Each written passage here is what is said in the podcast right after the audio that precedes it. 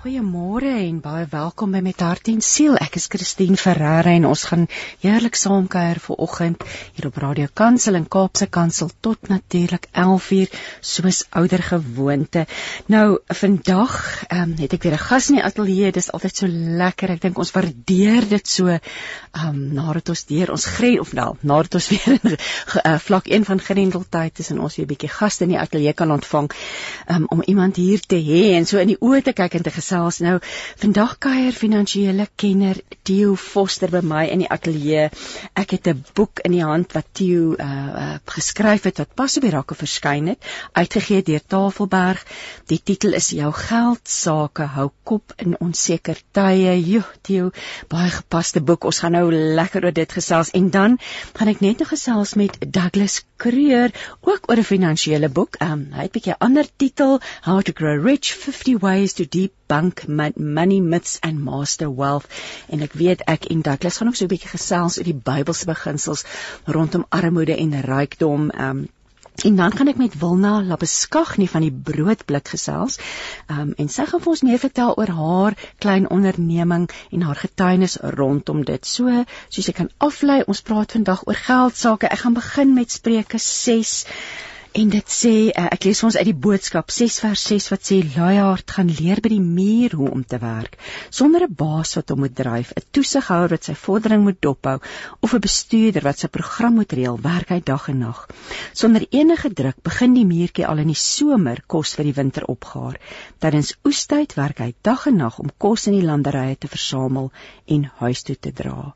En dan natuurlik sê dit luiaard, hoe lank gaan jy nog so sit en niks doen of tot watter tyd in die oggend lê en slaap. Jy is nog laat by die werk aankom, daar rond sit of lui wegsteek, dan roep die baas jou. Jy kan jou werk verloor, dan sluip die armoede jou lewe so ongemerk binne soos 'n skelm. Jy sal nie 'n verhoging kry nie en dan sal armoede jou lewe so ernstig bedreig soos 'n gewapende man. En dit is wat die wyse Salomo vir ons in Spreuke sê oor finansies. Natuurlik baie te skryf of te lees in die skrif rondom rondom finansies, rondom geld. Matthew Jo, dis 'n baie baie tyd tyd wat tot my sê 'n tydige boek vir 'n tyd soos hierdie. COVID-19 het 'n groot impak op ons geld sake gehad nie waar nie, nê? Ja, goeiemôre Christine. Eerstens baie dankie vir die geleentheid. Ek dink COVID-19 het het as 'n vertrekpunt uh, sien ek dit uit twee kom ons sê hoeke uit. Aan die een kant as 'n vergrootglas. Ja. Dit beteken dit het probleme wat reeds daar was, probleme wat ons reeds in die gemeenskap gehad het met mense wat welvarend is en mense wat nie welvarend is, mense wat kapitaal het en nie kapitaal het. So daai vergrootglas het hierdie probleme ja. uitgelig ja. en dit vir ons baie duidelik gemaak. En aan die ander kant dink ek dit was 'n versneller uh, veranderinge wat reeds in plek was het vinniger gekom. En daarmee bedoel ek kyk maar net tegnologie het ons ja. almal aangepas by tegnologie. En maar ook sekere industrieë moes baie baie vinniger aanpas by omstandighede. So ek dink aan die een kant 'n vergrootglas aan die ander kant 'n versneller, maar waar dit mense geraak het is ek dink op twee vlakke. Aan die een die fisiese onderliggende ekonomie daar is sektore en hier praat ons kom ons praat sommer van die van die restaurantbedryf of die, of die gastehuisbedryf wat beduidend swaar gekry het en wat regtig onder ernstige druk gekom het. Dan is daar ander sektore, tegnologie, kommunikasiesektore wat baie goed gedoen het. So ek dink vir meeste mense het dit op 'n manier 'n impak gehad en ongelukkig Ons sal nou later in hierdie week hmm. uh, kry ons die ekonomiese groei syfer vir verlede jaar. Maar die ekonomie het ingekrimp. Werkloosheid het toegeneem. So aan die een kant het dit baie mense swaar getref. Aan die ander kant as jy kyk na finansiële markte of jy nou 'n pensioenfonds het of 'n of 'n anniteit het of 'n beleggingsportefeulje het, uh, dit het baie was baie wisselvallig. Ons het 'n baie baie sterk insinkings gehad in Februarie, Maart verlede jaar En wel toe die mark herstel, toe sit ons op die oomblik op vlakke wat wat nuwe hoogtepunte. So toe het alles weer teruggekom en en ek dink die die probleem was dis om in hierdie wisselvalligheid besluitneming te gemaak en as jy dit verkeerd gekry het, het jy jouself 'n klomp geld gekos. Hm. So ek dink dis daai hoe bestuur jy in 'n ongemaklike situasie en en en ek wil aansluit uh, Christine by jou openings ehm um, uh, die stukkie wat jy gelees het. 'n uh, 'n punt wat jy moet aanvaar is jy moet verantwoordelikheid neem ja vir jou eie lot. Ja. Jy moet verantwoordelikheid neem vir jou ekonomiese omstandighede. Jy moet verantwoordelikheid neem vir spaar. Jy moet verantwoordelikheid neem vir voorsiening maak. En deel van hierdie tipe boek is wat is die beginsels in onsekere tye waarvoor jy verantwoordelikheid kan neem en hoe moet jy verantwoordelikheid neem daarvoor? Ek wil nou so ek dink nou ons het voor die tyd 'n bietjie gesels oor ook die byvoorbeeld die die die gelykenis van die talente. Die ou wat alles begrawe het en niks daarmee gedoen het nie. So baie baie mense is nie ekonomies ingelig soos wat hulle behoort te wees nie. Is dit jou belewenis? Is dit hoekom jy hierdie boek geskryf het? Is dit vir die man op die straat geskryf? Ja, hy's geskryf vir die eenvoudige persoon op die straat om hom genoeg inligting te gee dat wanneer hy praat met kundige persone of luister met kundige persone of besluite moet maak dat hy ten minste toegerus is met die nodige basiese inligting en ek dink baie keer is die probleem mense verstaan nie die basiese beginsels waarop geld, finansies, mm. beleggingsmarkte werk nie en ek dink nie hulle is al, altyd ingelig oor wat bepaal risiko en opbrengs nie. So baie keer word hulle gevang met 'n slenter, daar word iets beloof wat Oeg, ja. wat sonder meer onmoontlik is, of aan die ander kant, hulle sit vas in iets wat nooit kon gewerk het nie. Dit kan eenvoudig nie die doelwit bereik nie. Jy weet jy mense mense is eintlik so uitgelewer en mense hoor soveel stories van mense wat hulle pensioen in iets belê het of hulle geld iewers belê het en toe eintlik ingedoen is dit was toe eintlik 'n skelmstreek soos jy nou reg sê. So hierdie boek gee jou daar met 'n bietjie agtergrond. Dit gee jou genoeg agtergrond dat jy die beginsels verstaan, dat jy weet wat die grootste gevare is en ek spandeer nogal tyd aan hoe sien jy 'n slenter. En is baie eenvoudig. Dis gewoonlik as die opbrengs meer is as wat jy kan kry, as dit te goed om waar te wees. Ja. As dit 'n baie uh, uh, gemaklike uh, verkoopsproses is, as jy nie eintlik weet waar die geld vandaan kom nie. Onthou geld word nie geskep nie. Ja. Jy, jy iemand moet werk, iemand moet produseer en baie keer van die goeders is dit een of ander geheime resep. Daar is nie sulke geheime resepte nie.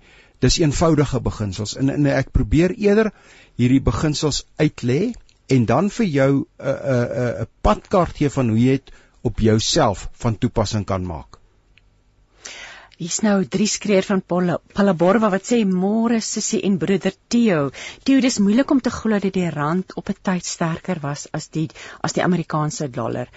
Wanneer was dit en wat was die bedrag? Kan jy onthou? Ja, dit was dit was omtrent hierso in die rondom die ehm um, kom ons sê die laat 70er jare. Ag, dit voel nou, baie lank gelede, nee. Nou, nou wat wat intussen wat ek dink wat 'n mens moet besef is, onthou die die primêre verswakking van 'n geldeenheid is die verskil tussen inflasie. Dit wil sê inflasie is die tempo waarteen die koopkrag van geld verswak. Dis basies inflasie. So ons moet onthou ons het hier in die 80er jare vir, vir omtrent 'n dekade 'n inflasiekoers van 15% gehad. Nou 15% beteken dat die koopkrag van jou geldeenheid omtrent elke 4 en 'n half jaar halveer. Dit beteken in daai tyd het die koopkrag van geld verskriklik verswak. En ons het in daai tyd 'n inflasiekoers gehad van wat op 'n tyd 15% was. So in daai tyd het Amerika inflasiekoers gehad wat soos nou maar 2-3% was. Ja. So ons geldeenheid het 'n dramatiese verswakking ondergaan op daai stadium. Soos wat die geld dit verswak het. Nou hierdie het voortgegaan in terme van ons verskil met inflasie tot hier laat in die 90er jare. Nou, toe die Reserwebank 'n 'n 'n klemverskywing begin ondergaan en gesê maar wag so 'n bietjie, die mandaat van die Reserwebank is om die koopkrag van geld te beskerm. En toe het ons begin kry dat die Reserwebank gesê het ons moet inflasie tussen 3 en 6% probeer hou, wat steeds die mandaat is. Um, in teenstelling met 'n inflasie wat op 'n tyd 15% was. Hmm. En soos ons daai teruggetrek het, natuurlik het het daarbey dit bygekom dat op daai stadium was ons al beduidend swakker, maar toe daar al meer vir al die laaste 10 jaar 'n politieke element ingekom in terme van politieke risiko. Vandag nog, ons inflasiekoers is baie laag, hy's hierso 3 3.5%.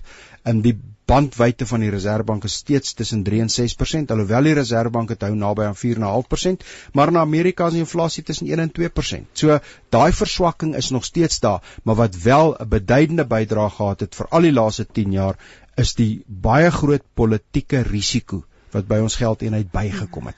En daai politieke risiko het veroorsaak dat ons veral in hierdie kom ons sê die verlore 10 jaar wat ons gehad het sedert hierso kom ons sê 2010 se kant na 2020 of mens kan sê 2008 na 2018 dat daai verswakking in politieke sentiment het 'n baie groot impak gehad in die laaste klompie jare se verswakking. Maar in die baie lang termyn is dit primêr 'n funksie van die verskil tussen Suid-Afrikaanse inflasie en Amerikaanse inflasie met politieke premies of diskontos wat daarby kom. Hoorie maar, jy praat nou van hierdie verswakking, des te meer rede om hierdie ja. boek in die hande te ja. kry. Ek hou van wat jy sê, hou kop in onseker tye. En ek hou van die styl, die dit dit lees te vir een vir ek is nou nie voor ek het nog glad nie ekonomie op my hmm. op my lysie van van van van vakke wat ek op in op skool of universiteit gehad het nie, maar dit lees lekker en en ek hou daarvan.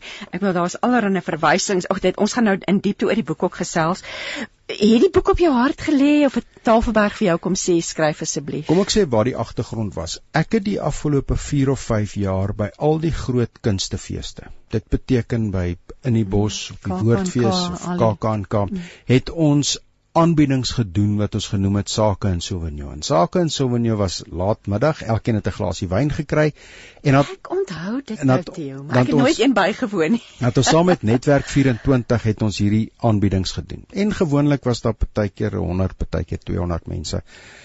En dan het ons gesels oor 'n klomp beginsels. En die verskil wat ons daar probeer doen het in daai gesprekke was om nie op die dag tot dag nuus te fokus nie, maar eerder op die langtermyn beginsels. Ja. Wat is die Wat gaan jou finansiëel suksesvol maak? Wat gaan jou belegging suksesvol maak? Wat gaan beteken dat jy by jou doelwitte uitkom? Wat is die slaggate waarvoor jy kyk? En dit was gewoonlik so 3 of 4 dae dan mense gekom en ons almal wyn gedrink en baie lekker gesels. En toe die Grendeltyd inkom middel verlede jaar het Tafelberg op 'n stadium na my toe gekom en gesê maar kom ons uh, skryf 'n boek in hierdie onseker in onsekere tye. Ja. En kan jy kan jy die boek skryf? Jy gaan nou nie hierdie funksies plaasvind nie. Kom ons sit dit in 'n boekformaat. En ehm um, uiteraard met Grendeltyd het ek nou baie meer tyd op my hande gehad en uh, toe besluit ek dan gaan ek die boek skryf. En dis toe ons toe hierdie boek geskryf het en ons het dit ehm um, Uh hulle wou dit baie graag hê voor die einde van die jaar moes ek hom klaar geskryf het, so ons het dit toe gedoen en ja, dit was dis waar dit vandaan kom. Fantasties nou weer eens 'n klein gehoor gehad by die feeste en kyk nou groot nou is dit 'n boek. Ja. Daai daar daar duisende mense kan nou bereik word en gehelp word. Theo, kom ons praat 'n bietjie want die boek is in 3 dele verdeel ja. nie waar nie. Ja. Wat wat wat het jy probeer doen deur hierdie 3 dele? Ehm um, die eerste ding is ek wou aan die begin vir mense sê, wa, besef julle wat is die grootste bedreiging bedreigings of gevare vir jou welfaart. Besef jy wat is jou vyand? Besef jy dit? Besef eers wat is jou grootste die redes hoekom jy nie jou finansiële doelwitte gaan bereik nie. En onthou verskillende mense het verskillende doelwitte. Ja. Maar besef jy wat is die redes hoekom jy dit nie kan doen nie. En en as jy jy moet eers daai redes besef. So die eerste deel van die boek gee ek basies ehm um, gaan ek oor 3 kern jou grootste drie vyande wat jy het om dit nie kan bereik nie. En dan die deel 2 gaan oor wat ek sê is die vyf goue reëls wat elkeen moet weet. Jy moet dit weet. As jy dit nie weet nie, gaan jy nie die doelwitte bereik nie. So dit dan's daar 'n klomp 'n uh, uh, klomp uh, goue reëls en dan die laaste deel is maar net bly op koers. Wat moet jy doen om seker te maak jy bereik dit? So die eerste deel wou ek net eerstens sê dit is jou bedreigings. Verstaan dit. Dis die vyand. Ons gaan nou lekker oor dit. En en dan die die goue reëls en dan net hoe bly jy hoe bly jy op lyn. Hier's nou 'n luisteraar wat sê goeiemôre, ek geniet julle program. Wat is die boek en skrywer se naam? Geseënde dag. Baie dankie. Die boek is Jou geld sake hou kop in onseker tye. Die skrywer is Theo Foster, ekonom, finansiële kenner. So ja, ek hoop dit antwoord die boek word uitgegee deur Tafelberg. So as jy ook gaan kyk op op uh, eh, NB uitgewers se se se se webwerf sekerlik gaan jy dit daar kry. Theo, ek neem aan dis by boekwinkels ja. reg oor die land. Ja. Wel, die uitgewer sê dit is daar. En, ek, en my vrou sê sy sien dit van tyd tot tyd. En my dogter ook. So ek weet dis 'n baie goeie maatstaf want hulle so, ek weet, my vrou sê dis daar. ek is maar so 'n bietjie skaam om te gaan kyk. ja, want dit is 'n pragtige portret van jou ook voor op die voor op die boek so jy ag dis dit ja, baie mooi omslag ook. Maar kom ons praat 'n bietjie oor hierdie bedreigings. Oeg, weet jy, ja, dit hmm. is belangrik en ek sien sien jy sê ken jou grootste vyand die persoon in die spieël. Ja. Kom ons praat 'n bietjie daaroor. Daar is geen kwessie nie. Ja. Jy jy daai daai persoon wat vir jou terugkyk as jy jou tande borsel. Dis jou probleem. Jy moet daai persoon bestuur want daai persoon is emosioneel. Ja. En ongelukkig emosioneel e, emosie is 'n baie goeie besluit oor wat ek vanaand gaan eet of wat ek leer kark of wat gaan ek aantrek. Mm. Dan is emosie uitstekend. As dit kom by geld, is emosie jou vyand. En die punt van die saak is jy moet leer om daai persoon rasioneel te hou as dit gaan oor geld. Om nie as jou staat of jou maandstaat of dit nou van jou pensioenfonds is die maand 10 of 20% af is te pan, paniekerig te raak. Oeg, want dis ons natuurlike reaksie. Dit het gebeur. Ja. Dit het gebeur ja. in Februarie en Maart. Uh meeste mense se state was af 30-40%. Die fout wat jy toe kon gemaak het was om te verkoop. So jy moet jy moet eerstens onthou dat daai persoon is emosioneel en dis jy moet daai persoon rasioneel hou. En dan as jy kyk by beleggings en dan sê ek skryf 'n storie van 'n Dr Simon Ramu. Nou Dr Ramu was as as, as enigiemand ooit ballistiese interkontinentale missiele se fisika bestudeer sou jy met hom te doen gekry het. Um, hy is die vader van die tegnologie of die fisika agter dit. So hy's baie slim kerel. Maar sy ander eh, sy ander um, kom ons sê sy stokperdjie was tennis. Hy het tennis oor sy lewe lank bestudeer. Hy het graag behoort tennis gespeel en hy het 'n boek geskryf van um, extraordinary tennis for ordinary people. So so hoe en daar het hy gesê tennis is twee sporte, twee verskillende sporte. Mense besef dit nie twee sporte. Die een sport is die ouens wat meeding vir Wimbledon of die Franse Ope die regte professionele. Hulle sport gaan oor die slaan van wenhoue. 80% van 'n professionele tennisspeler wat Wimbledon wil wen, se sukses gaan van die funksie van kan hy 'n wenhou slaan. Dis daai ouens se sport. Vir die ander 99,9% van ons wat tennis speel, is dit 'n fout. Om te gaan vir die wenhou gaan jy niks wen nie. Vir die res van ons gaan dit moenie foute maak nie en hou die bal in spel. Dit beteken minim, maak jy minimum foute en kry die bal oor die net. Dis dieselfde met beleggings vir meeste mense. Dit gaan nie oor een of ander wen hou nie, want jy gaan hom nie geslaan kry nie. As jy as jy nie Warren Buffett is of een van daai ouens, vergeet van wen houe. Maak seker jy beperk jou foute en bly maak tyd jou vriend, bly in die spel. En dit is die kernbeginsel van beleggings. As jy nie as jy jou foute kan beperk en jy kan tyd aan jou kant kry, dan is dit daar. Die tweede ene, moenie moenie belê in iets waarvan jy niks weet nie. En dis foefies. Daar's 'n pragtige verkoopsom. So baie mense is al daar. Wat vir jou 'n blink skoene en 'n mooi pak en 'n baie mooi biljet vir jou gee of of inligtingstuk as jy nie weet en wat ek baie keer vir mense sê is as jy 'n kar koop gaan skop jy die bande. As jy 'n belegging maak, waar skop jy die bande? as jy nie die bande iewers kan gaan skop nie. So as jy byvoorbeeld eiendom koop, kan jy om die grond ry en sê dis die stuk eiendom. As jy 'n plaas koop, kan jy deur hom stap en sê dis hierdie plaas wat ek wil koop. As jy 'n aandeel koop, as jy 'n aandeleportefeulje het, kan jy verby Absa ry en sê daar's die bank of verby Woolworths ry en sê daar's die um, daar's die winkel. So so jy kan jy kan kyk na presies wat wat jy koop en jy kan kyk na wat is die belegging. So so dis die punt. Waar skop jy die bande? En die probleem met hierdie foefies, jy weet nie waar is daar's iewers ter is daar 'n geheime resep. So ja, as jy dit ja. nie verstaan nie, moet dit nie doen nie. Dan pasop om geluk en kundigheid met mekaar te verwar. Mense kry dit baie reg dat hulle verwar geluk en kundigheid. Nou die feit dat jy een of twee keer reg geraai het, maak jou nie 'n kundige nie. Ja. Die feit dat jy 5 keer reg geraai het, maak jou nie 'n kundige nie. En baie keer uh, roem mense daarop hulle 3 of 4 keer reg geraai. Nou is hulle kundige. Maak jou nie 'n kundige nie. 'n hmm, Kundige gaan oor die slag gehad, nê? Nee? So mense verwar geluk en kundigheid. Dan die ander ding is voorspellings. Ek weet nie eers presies wat die naweek gaan gebeur nie. Ek weet nie. Tio, ek weet nie in die rede val of jy vra maar is oh, mense, ek is seker daar's nogal druk op julle dat mense verwag dat jy al die antwoorde jy ja. moet kan voorspel, ja. nê. Nee, dit is dit is seker maar 'n bietjie 'n moeilike situasie well, die, die punt is jy kan gaan kyk wat is die onderliggende beginsels en hoe daai beginsels gewoonlik gaan uitspeel. Ja. Maar jy kan nie voorspel wat gaan gebeur nie. Net soos wat ek nie eers 'n rugbywedstryd kan voorspel of 'n cricketwedstryd gaan voorspel of die weervoorspelling die weer kan voorspel nie. Nou wil iemand hê ek moet voorspel wat finansiële markte gaan doen oor 6, 12 en 18 maande. Ek dink COVID het vir ons gesê jy kan nie voorspel nie. So jy kan nie jou besluit maak op jou vermoë om te voorspel nie. Ons is vrot daarmee. So so hou eerder by beginsels en los die ehm um, los die voorspelling en dan natuurlik ongelukkig uh, is ons ehm um, gierigheid.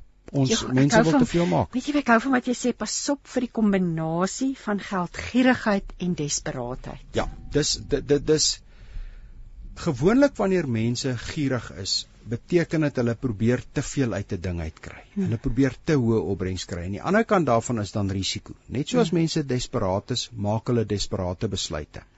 En baie keer is die is beide by gierigheid en desperaatheid is hulle verhoog hulle risiko. En dis 'n fout. Dis so hmm. ewe skielik as 'n persoon desperaat is, is hy bereid om 'n groot kans te vat. Dit is eintlik dobbel. Dit kom eintlik dit, dit raak dobbel. Ja. En die probleem van van daai dobbel raak, jy beweeg weg van belegging. So beide in gierigheid en desperaatheid hardloop jy weg met jou risiko. En kyk die woord leer is praat baie sterk en duidelik oor gierigheid, nee, ja, dat ons daar's oralste is daar. Dit is iets wat baie ja, sterk na ja. vore kom in die skrif. So, joh, Theo, so So dit bedreigings vir jou welvaart. Hoor net net hoe fantasties omdat ons hierdie dinge weet, al klaar net om hierdie inligting en, ja. en en jy bespreek dit nou in detail, so as jy nou dit rustig gaan sit en lees. Ja. Jy's al klaar toegerus. Jy hoef eintlik net amper deel 1 van die boek te lees, ja. nê, dan is jy al op die regte pad. Ja. En en onthou die die wat ek net baie keer dink is mense dink daar's iewers 'n geheime resep.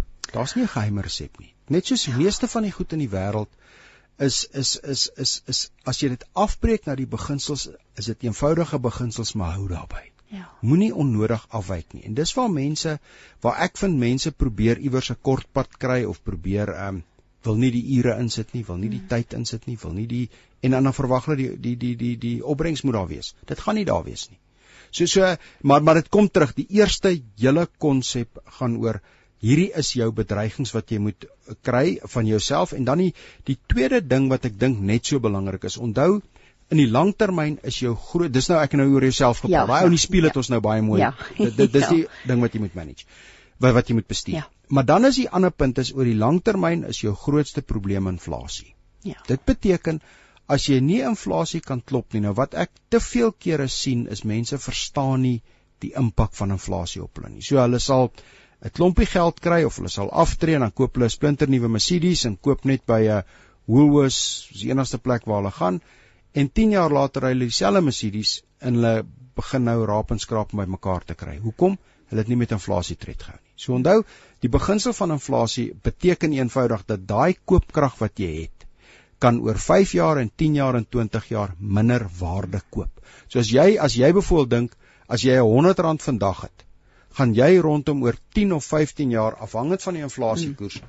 gaan jy 2 of 300 rand nodig hê net om dieselfde goed te koop. So as jy enige beleggingsportefeulje saamstel, as jy enige besluit maak, is die minimum wat jy voormik is jy moet inflasie uitpresteer. Anderster word jy armer elke jaar, elke 5 jaar, elke 10 jaar gaan jy armer word. En ek dink mense besef nie dat uh, mense dink baie keer hulle grootste vyand is wisselvalligheid of korttermynbewegings. Eintlik is dit inflasie. Dis wat oor 5 en 10 en 20 jaar mense verarm, is inflasie. Hulle het gereken dat uh, 100 rand gaan nog steeds vir hulle iets kan koop. Dit ja. ongelukkig kan dit nie. So, maar jy moet dit weet. So jy moet jouself weet, inflasie en dan natuurlik die ander ene is fooie en kostes en be belasting. Te veel mense betaal eenvoudig te veel weg aan byvoorbeeld fooie of belastings of kostes en daai wegbetaal oor 'n 5 en 'n 10 en 'n 20 jaar het 'n massiewe impak of hulle hulle doelwitte gaan bereik. So so dis die hoofgoed wat jou vyand is. Dis nommer 1 jouself, nommer 2 inflasie en nommer 3 kostes en fooie. Weet jy wat mense sal nie eintlik mense dink nie noodwendig aan fooie en kostes nie, ja. nee. Dis dis so dis belangrik om te gaan kyk wat ja. is jou bankkoste? Wat is die persentasie wat jy gaan betaal vir jou belegging aan jou Ja. Bre, uh, uh, wat wil ek sê broker aan jou adviseur. Ja. Die die punt is die punt is Christine fooie en kostes as jy professionele diens wil hê, dan gaan jy die persoon moet vergoed. Hmm. Maar jy sal moet baie seker maak wat betaal jy hmm. en wat kry jy daarvoor. En dan moet jy gaan kyk, is daar verskillende kostes, is daar ander kostes? Is daar byvoorbeeld iemand wat sê as jy my kom sien voor ek iets doen, die eerste 2 of 3% vat ek?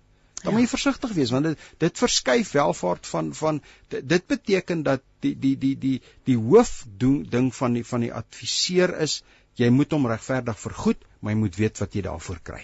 En as daai uitbalans uit is, as daai in die guns van die adviseur is of in die guns van jy is, iewerster gaan dit nie werk nie. Ja. En en so maar jy moet dit verstaan. So kostes per se is nie verkeerd nie. Professionele mense moet vergoed word.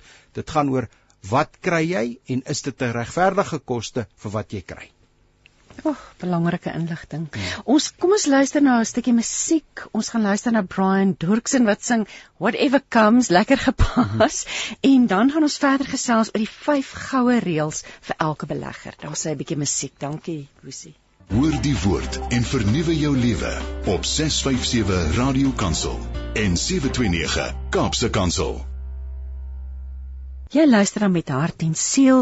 Ek is Christine Ferreira en ek gesels ver oggend met um ekonom, finansiële kenner, um Theo Foster. Ons gesels oor sy boek Jou geld sake hou kop in onseker tye. En um as jy nou eers ingeskakel het, Theo het vir ons uh, vertel van al die gevare en die bedreigings vir jou welfaart. Um hy sê dit begin met die persoon in die spieël. Nou gaan ons bietjie kyk na die goue vyf goue reëls vir elke belegger. Want weet jy beleg belegging het nie eintlik jy hoef nie ons praat nie groot en klein nie. Ja. Dieselfde reëls. Daar's dieselfde reëls. Dis ja. dis amper en as jy nie die reëls verstaan nie, dan gaan jy nie spel kan speel nie. So dis soos enigiets in die wêreld. As jy nie as jy nie rugby se reëls verstaan nie, gaan jy nie suksesvol kan speel nie. Jy moet die reëls verstaan. En hierdie reëls of kom ons sê beginsels gaan nie oor of dit nou is of oor 10 jaar of 20 jaar of wanneer dit wakkas. Dis die langtermyn beginsels wat ek dink elke persoon moet weet. Die eerste punt is wisselvalligheid was nog altyd deel van beleggingsmarkte. So dit beteken die feit dat markte dat jou pensioen of jou of jou of jou um, of jou beleggingsfonds in in in verlede jaar in Februarie Maart met 40% geval het, dis nog altyd deel. Inteendeel, die laaste 20 jaar het wêreldmarkte op drie geleenthede met veer gehalveer op drie en net om weer terug te kom. So wisselvalligheid is deel van finansiële markte. Moenie dink dis vreemd nie, moenie dink hierdie keer is dit anders nie, moenie dink dit gaan ook nie weer gebeur nie. Ja. So wisselvalligheid is deel daarvan. Beplan daarvoor, moenie skrik as dit gebeur nie, dit gaan gebeur. En baie keer kry mens mense se oë is so groot en hulle skielik hulle mors dood en in die middel van Covid val alles met 30, 40%. Wel, dit gaan weer gebeur. Ek weet net nie wanneer nie en dit het, het die laaste 20 jaar 3 keer gebeur. So wisselvalligheid is deel van finansiële markte. Sit dit eenkant aanvaar dit, dit gaan gebeur. Dis jy dit ja. besef dit. Die tweede punt is ehm um, jou enigste regte, kom ons sê in Engels praat hulle van 'n free lunch. Jou enigste verniet, vrypas is diversifikasie. Wat beteken diversifikasie? Dit beteken om te sorg dat jou eiers nie in een mandjie is nie. Dat daar verskillende eiers in verskillende mandjies is. Nou wanneer dit kom by beleggings, beteken diversifikasie dat jy het sekere hoeveelheid van jou geld op in finansiële markte, in aandele of kapitaalmarkte, sekere gedeelte in eiendom, sekere gedeelte in kontant. So maak seker jy's gediversifiseer. Nou die punt van diversifikasie, dit het twee elemente dit versprei jou risiko. Dit beteken as een bateklas of een tipe instrument op of af gaan, behoort van die ander instrumente dit teen te werk. So en net veiligheidsnet. Dis maar ook dit gee jou verskillende bronne van groei. Ja. Byvoorbeeld Die rentekomponent gee jou rente-element van groei. Dis lae risiko, maar dis laer groei. Kom ons sê groeibate element gee vir jou die vermoë om inflasie uit te presteer. Nou as jy kyk na byvoorbeeld groeibates is iets wat kan tred hou met inflasie oor tyd. Dis onder andere 'n belangende besigheid.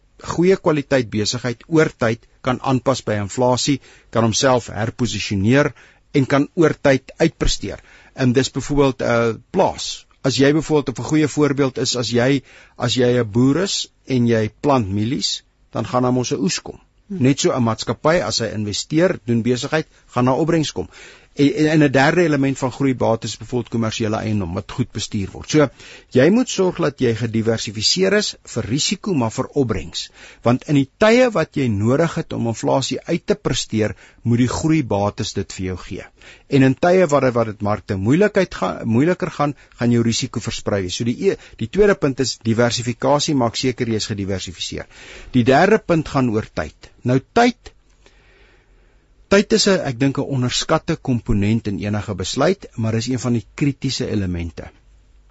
Tyd kan of jou vriend of jou vyand wees. Nou met vriend bedoel ek as jy genoeg tyd het, is dit jou vriend, as jy te min tyd het, is dit jou vyand. Ja. En daarmee bedoel ek jy moet tyd toelaat om saamgestelde groei of saamgestelde opbrengs op saamgestelde rente in jou guns te kry.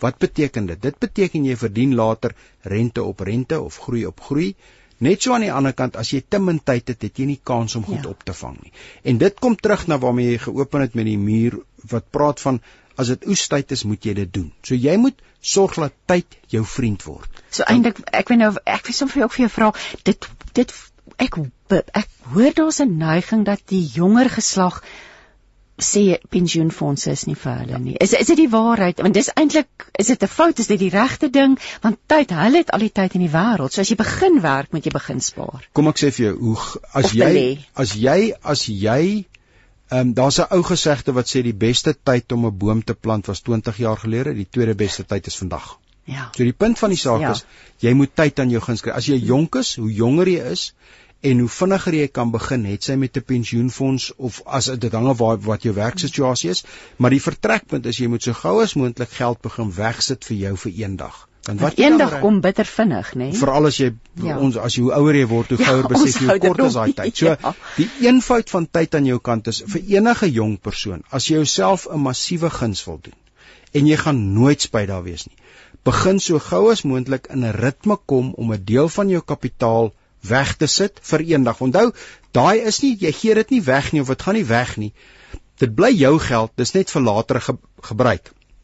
So so gou as moontlik om dit te kry en as jou want as tyd eers jou vyand is, as jy te min tyd oor het om iets te doen, dan is die probleem, dan moet jy begin kyk na jou uitgawes, na jou lewensstandaard, dan is dit drastiese besluite wat jy moet maak. Daai drastiese besluite kon alles aangespreek wees deur tyd jou vriend te maak. So besef ja. daai beginsel. En hoe gouer jy begin, hoe beter, maar soos ek nou-nou gesê het, die beste tyd was 20 jaar gelede, die tweede beste tyd is nou. Ja. Maar begin dit. Nooit en onthou die die ou storie van as jy in 'n gat is, is die eerste ding wat jy moet doen is ophou grawe. En dis waar mense die fout maak. Hulle stel hierdie besluite uit en hulle baie mense spandeer 'n suksesvolle aftrede weg aan rente. Wees baie versigtig vir daai som. En dan, ehm um, moet jy uiteraard bereken wanneer het jy genoeg. Hoorie, ek ek gaan daai stelling net lees. Dis 'n hele hoofstuk wat die in reël 4 wat sê wanneer is genoeg regtig genoeg. Ja. Dis baie baie belangrike ja. gedagte daarin. Die punt van wanneer is genoeg nou eintlik genoeg. Ja. Dit is nie gaan nie oor 'n bedrag nie. Dit gaan oor die lewensstandaard wat jy nodig het om jou te handhaaf.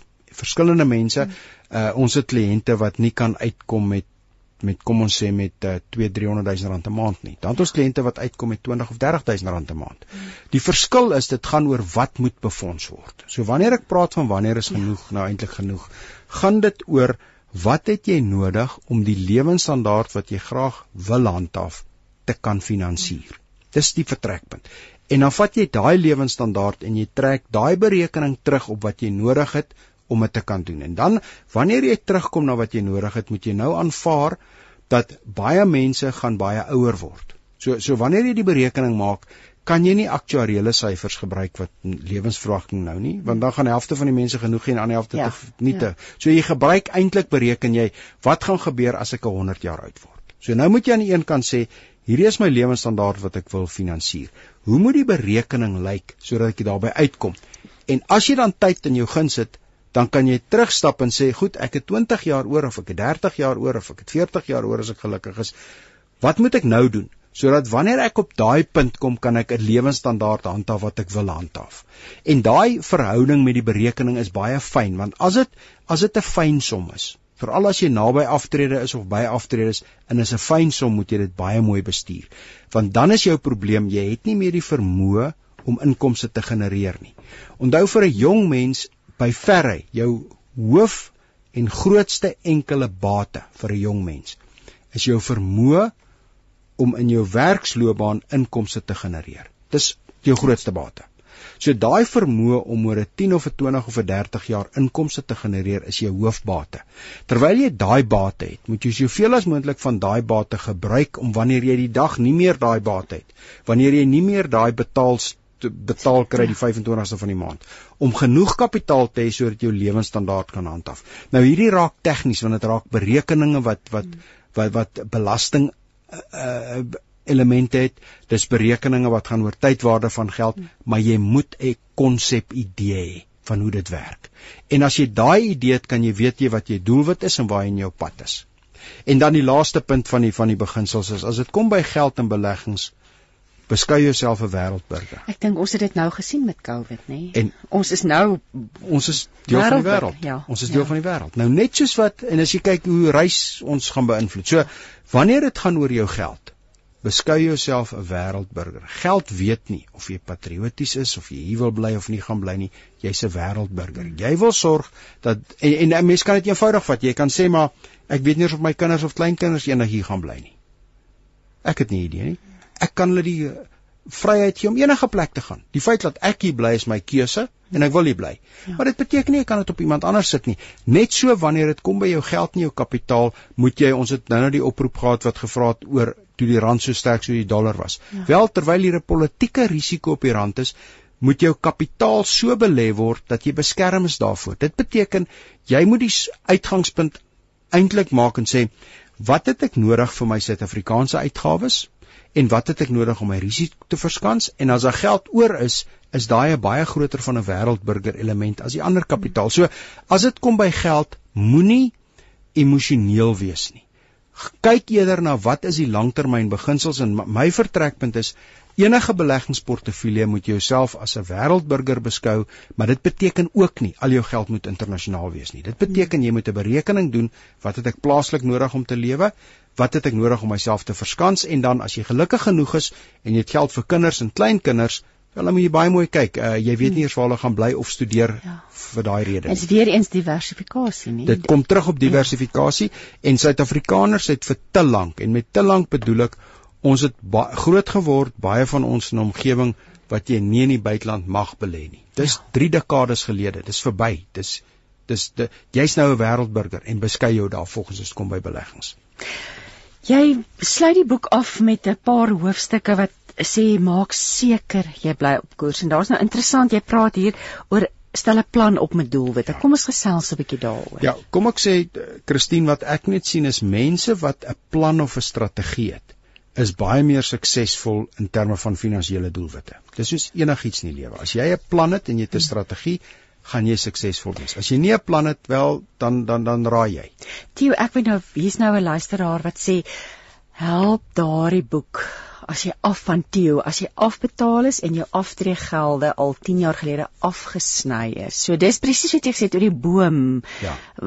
Wat wat sou jy vir hierdie luisteraar sê Theo? Uh kom ek sê die die die vertrekpunt is as jy as jy enigste vorm van inkomste kan genereer. Hmm. Al is dit 'n kort periode van tyd, genereer die maksimum inkomste want in in Suid-Afrika die verskil tussen een van die groot verskille tussen mense wat geld het en nie geld het is inkomste genereer. So probeer op een of ander manier die maksimum inkomste gener te genereer wat jy kan en dan as dit 'n fyn lyn is sit jouself in die posisie waar jy absoluut die minimum daarvan gebruik en die maksimum wegsit vir wanneer jy nie meer inkomste genereer.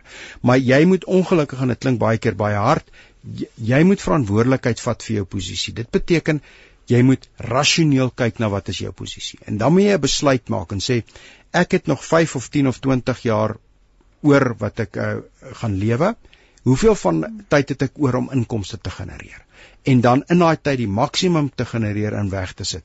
Maar daar is ongelukkig nie 'n een eenvoudige oplossing in terme van as tyd eers teen jou is, dan moet jy baie fyn gesels. En dan my advies is wanneer jy regtig in die moeilikheid is en wanneer jy regtig wanneer problematies is, praat so gou as moontlik met jou gesin of jou familie. En hoekom ek dit sê?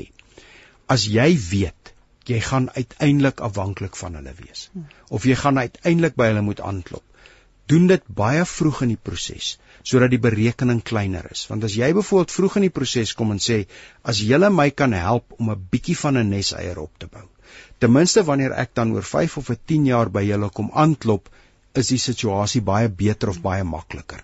Die fout wat mense maak is hulle wag tot daar absoluut geen uitkoms is nie. Ja, en ja. dan is dit drastiese stappe. So wat ek al baie keer gesien het wanneer wanneer ek sien mense is is 5 of 10 jaar van van eh, groot moeilikheid is, hou 'n vergadering met die familielede en sê vir hulle kyk dis waarheen ek op pad is ek het tog 5 jaar oor voor ek daar kom maar as julle miskien nou kan begin deur elkeen 'n 1000 rand of kan bydra en ons begin 'n fonds skep dan kan ek hierdie 5 jaar kan ek begin uit O, want dan kan jy daai geld gebruik en Ja. belê. en ek kan 'n bietjie vir my tyd koop Ja. aan die agterkant. Ja. Maar vir my om eendag vir jou te sê nou's nou's my geld klaar. Ja. Nou moet jy na my kyk.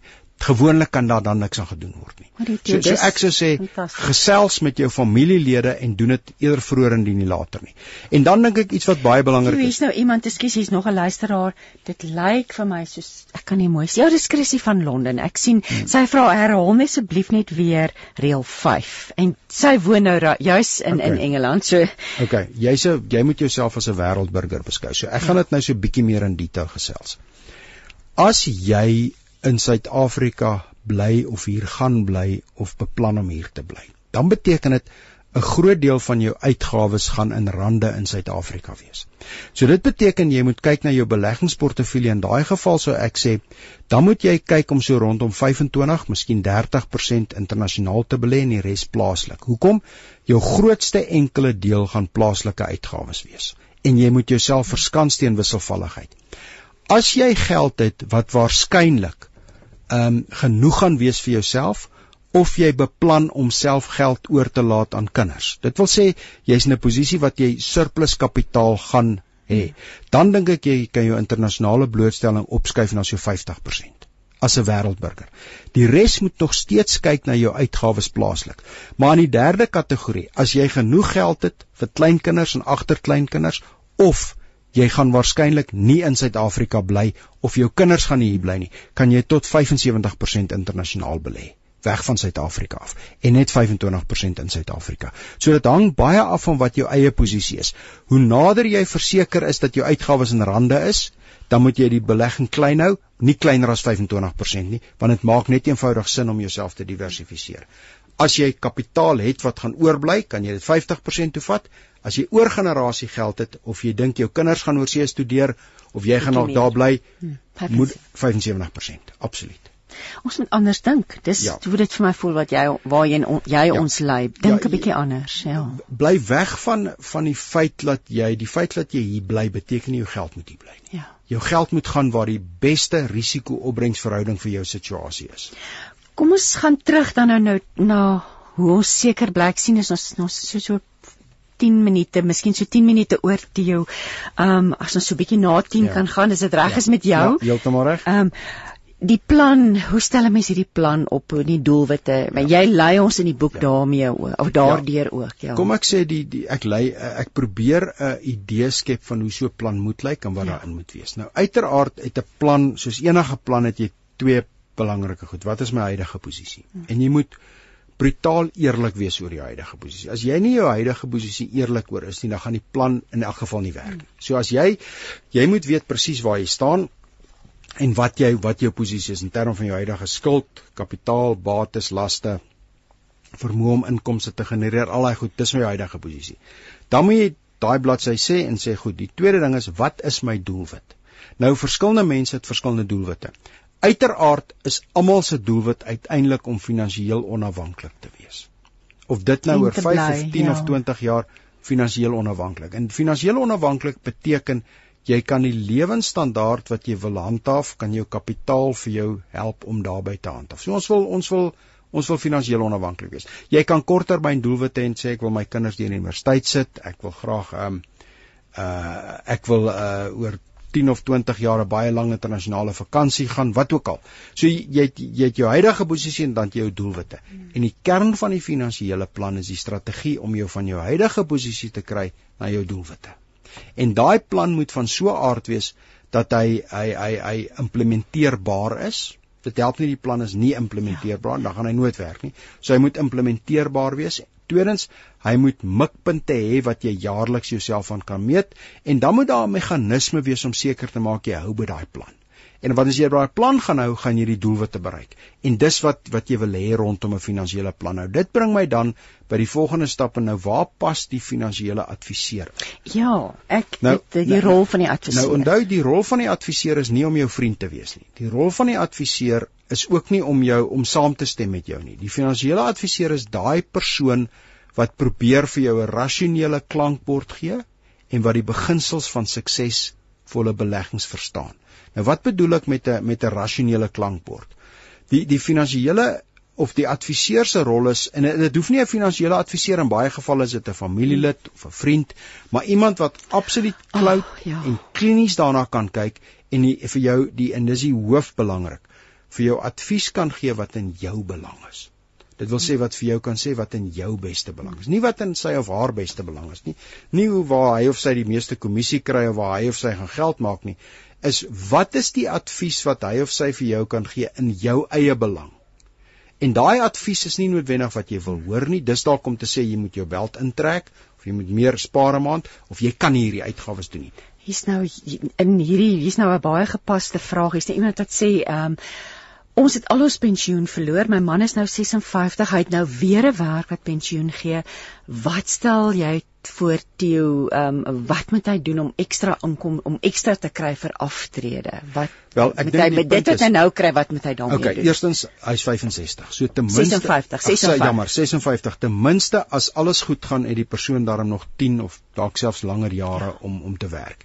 Die punt is, probeer in hierdie volgende 10 of 12 jaar die maksimum van jou inkomste wegsit. Want die die probleem is as jy 65 is, soos dit nou gaan gaan gaan jy waarskynlik lewe vir 20, 30, hmm. selfs 40, wel, kom ons sê 35 jaar. Ja. Jy gaan nog baie lewe. So jou kapitaal moet vir jou kyk in daai periode van tyd.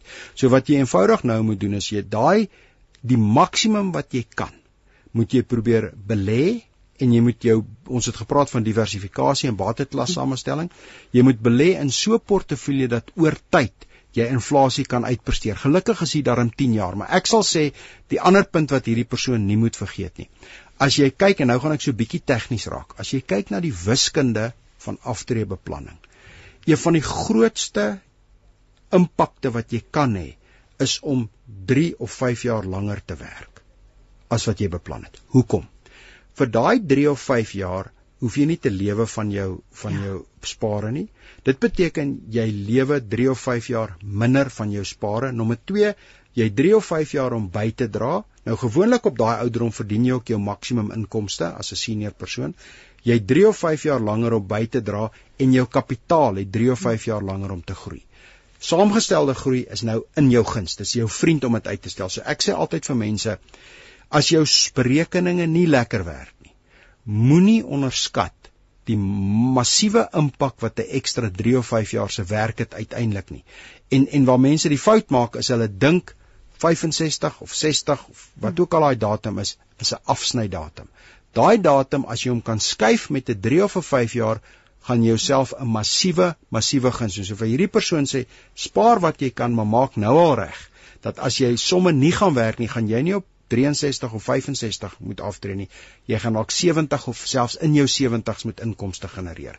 So probeer daai posisie uitstel. Is nou ook ek ek weet nie of jy nou al die vraag eintlik geantwoord het nie, maar hier is 'n persoon wat sê ek is 60, wat is die minimum wat ek nou moet belê en in wat? Dis nou dis 'n gelaaide vraag. Ja, dis, dis a, dit dit hang af van jou posisie. Ja, dit dit ja. kom dit kom al die pad terug na wat is die lewensstandaard wat jy wil handhaaf? En ek dink nie dis 'n minimum wat jy moet sê nie want as jy 60 is daai som vir daai persoon is die som eerstens wat is die lewensstandaard wat ek wil handhaaf as ek die dag aftree per maand stel 'n begroting op. Jy ek gaan net vir vinnig sê, hier's nog 'n vraag, hoe kan hoe kan julle net vir my help ook my geld moet belê? Ek is nou 61 61 jaar en ek het pensioen. So ek dink jou jy antwoord ja. nou eintlik vir hierdie luisteraar ook. ook. Oor want dit voel vir my dis dieselfde ja, ouderdomsgroep. Ja, ek dink die punt met daai is begin deur te sê wat het ek nodig om my huidige lewensstandaard te handhaaf. So stel 'n begroting op. En onthou ek sê altyd mense wat 'n begroting opstel, stel twee begrotings op. Stel die begroting op wat jy dink, spandeer tyd daaraan en dan parkeer jy hom. Dan gaan kyk jy na die laaste 3 maande se bankstate en kyk wat dit eintlik is dit daar's gewoonlik 'n massiewe verskil. Hmm. Die die die en is veral by mans wat dink die die begroting is ekstra aan 'n maand, maar is eintlik 2x 'n maand. Hmm. So stel daai begroting op. Daai begroting is die vertrekpunt van die lewensstandaard wat jy eendag wil handhaaf. Nou moet jy gaan kyk na daai lewensstandaard en sê hoeveel kapitaal het ek nodig om dit te handhaaf? En dan moet jy ekstra ding bysit. Onthou daai lewensstandaard moet met inflasie opgaan elke jaar. Ongelukkig met hierdie vraag is daar nie 'n een eenvoudige antwoord ja. wat vir almal geld nie. Ons omstandighede verander, ons kapitaal verander, ons lewens uh, uh kom ons sê lewensstandaard verander. So daai is die tipe van berekening wat jy iemand moet kry wat jy vertrou ja, en wat jy kan help want daar's ja. te veel bewegende parte. Ja. Ja, die want jy kan dit nie self reg ja. doen nie. Nee, nee, as Jo, Theo, so ons is ek wil nou met jou met jou praat. Ons tyd raak en ons begin aan die einde raak van ons tyd kom. Jo, jy het 'n hele hoofstuk oor en dis 'n tere puntjie, familiegeld, trust, testamente. Ja maak ons 'n okay. voorsiening vir testamente in hierdie situasies. Vir my is dit absoluut skreiend dat soveel mense nie testamente het nie. Dis ek weet nie of dit of dit is oor mense laks is nie. Ek weet nie of hulle dit as prins wil doen nie. Maar as daar een ding is wat jy wat wat jy nie aan jou aan jou aan jou geliefdes wil doen nie is om sonder 'n testament dood te gaan. En die rede daarvoor is eerstens jy die daar's 'n proses waarby die meester baie meer betrokke is en jy wil in Suid-Afrika nie onnodig met 'n bureaukratiese proses sit veral in hierdie geval nie. So en die tweede kant is as jy intestaat sonder 'n testament dood gaan bepaal die wet wie kry wat. En in baie gevalle wil jy tog bepaal wie kry wat. En en in in meeste gevalle is daar ook 'n nie kontant wanneer dit moet verdeel word nie. Daar moet iets verkoop word. Daar moet iewers kontant gegenereer word. Met 'n testament kan jy daai goed beplan. So vir my is dit 'n absoluut dit steek my dwars in die krop hoekom so baie Suid-Afrikaners sonder 'n testament gaan. So dis die een kant. Die ander kant is nou moet jy verstaan waarby trust en familiegeld inpas. En nou raak dit baie tegnies. Trust aan die een kant het 'n rol wanneer jy jong kinders het, wanneer jy graag 'n uh, uh, testamentêre trust vir hulle wil laat, maar aan die ander kant as daar kapitaal is in goed soos familieplase of familiebesighede, moet jy gaan kyk na die strukturering daarvan. Want gewoonlik wil jy hê dit moet oor oor oor oor generasies gaan. Maar daai is weer eens tegnies. Hoekom? Goed soos kapitaalwins is belangrik, boerebelasting is belangrik, die bepaling van die regte van die trustees, wie is die trustees, wie is die begunstigdes. So daai is tipe goed wat beplan moet word, maar dis goed wat baie tegnies kan raak. My vertrekpunt is as jy nie 'n testament het nie, verstaan ek nie hoekom nie. Is dit luiheid? Ja. Of wil jy dit as prins doen?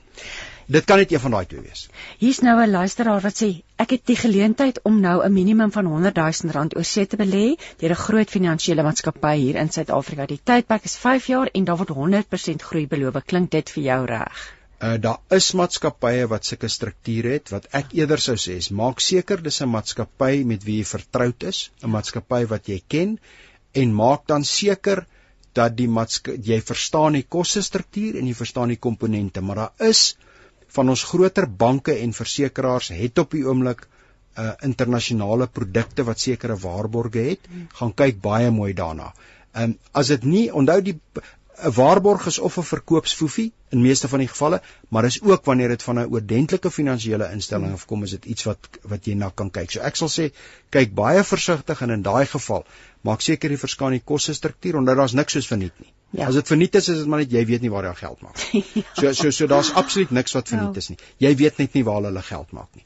En tweedens, maak seker jy verstaan die fynskrif op daai transaksies. Maar daar is sulke produkte van kwaliteit finansiële besighede wat jy na kan kyk op hierdie stadium. Jo, hier's nou nog 'n vraag. Is daar kostes verbonde daaraan om 'n testament op te stel? 'n Eenvoudige testament nee. Op hierdie stadium, daar was altyd kostes, maar op hierdie stadium is dit raak dit al meer praktyk dat vir 'n een eenvoudige testament nee en jy kan as dit eenvoudig is kan jy baie ver kom selfs op die internet. Maar ek sê hier eenvoudig. Die oomblik wat dit kompleks raak, soos daar's kinders uit vorige huwelike of daar is familiebates of daar is skuldstrukture in plek of as snaakse transaksies, dan gaan jy betaal want dan jy professionele advies nodig. Maar bloot in die eenvoudigste vorm van dis wat ek het en die kry daai jy kan selfs daai riglyne kry op die op op die internet. Die eenvoudige testamente het het ontwikkel die laaste klompie jare dat jy kan dit amper verniet doen. Ja. Die oomblik wat dit kompleks is, dan moet jy nie die verniet testament gaan nie. As dit kompleks is of jy het spesifieke goed wat jy gedoen wil hê, asseblief kry professionele advies. So dit hang baie af van wat in die testament is en wat jy wil bepaal. Hier's nou iemand wat luister uit Australië en sê ons kan hier in Australië 'n salary sacrifice doen op ons salaris en um, hy sê ja. wat ek gaan wat en ek doen gewoonlik dieselfde dan. Wat ja. wat wat dit is dan. So dit ja, mens moet weer eens beplan, ja. doelwitte. Theo, ons kon nou gevolle 2 ja. ure gesels het in ehm um, ja. laaste gedagtes. Ek wil eintlik ek wil eintlik net sê koop die boek. Dit voel vir my ja. daar's so baie inligting en hierdie is dis 'n slagveld vir die gewone ou. Dis dis ongelukkig sien ek te veel mense maak eenvoudige foute en spandeer of mors 'n suksesvolle aftrede deur foute, kostes en verkeerde besluite. Ja. Dit is Theo Foster wat met ons gesels het. Die boek se naam is Jou geld sake hou kop in onseker tye.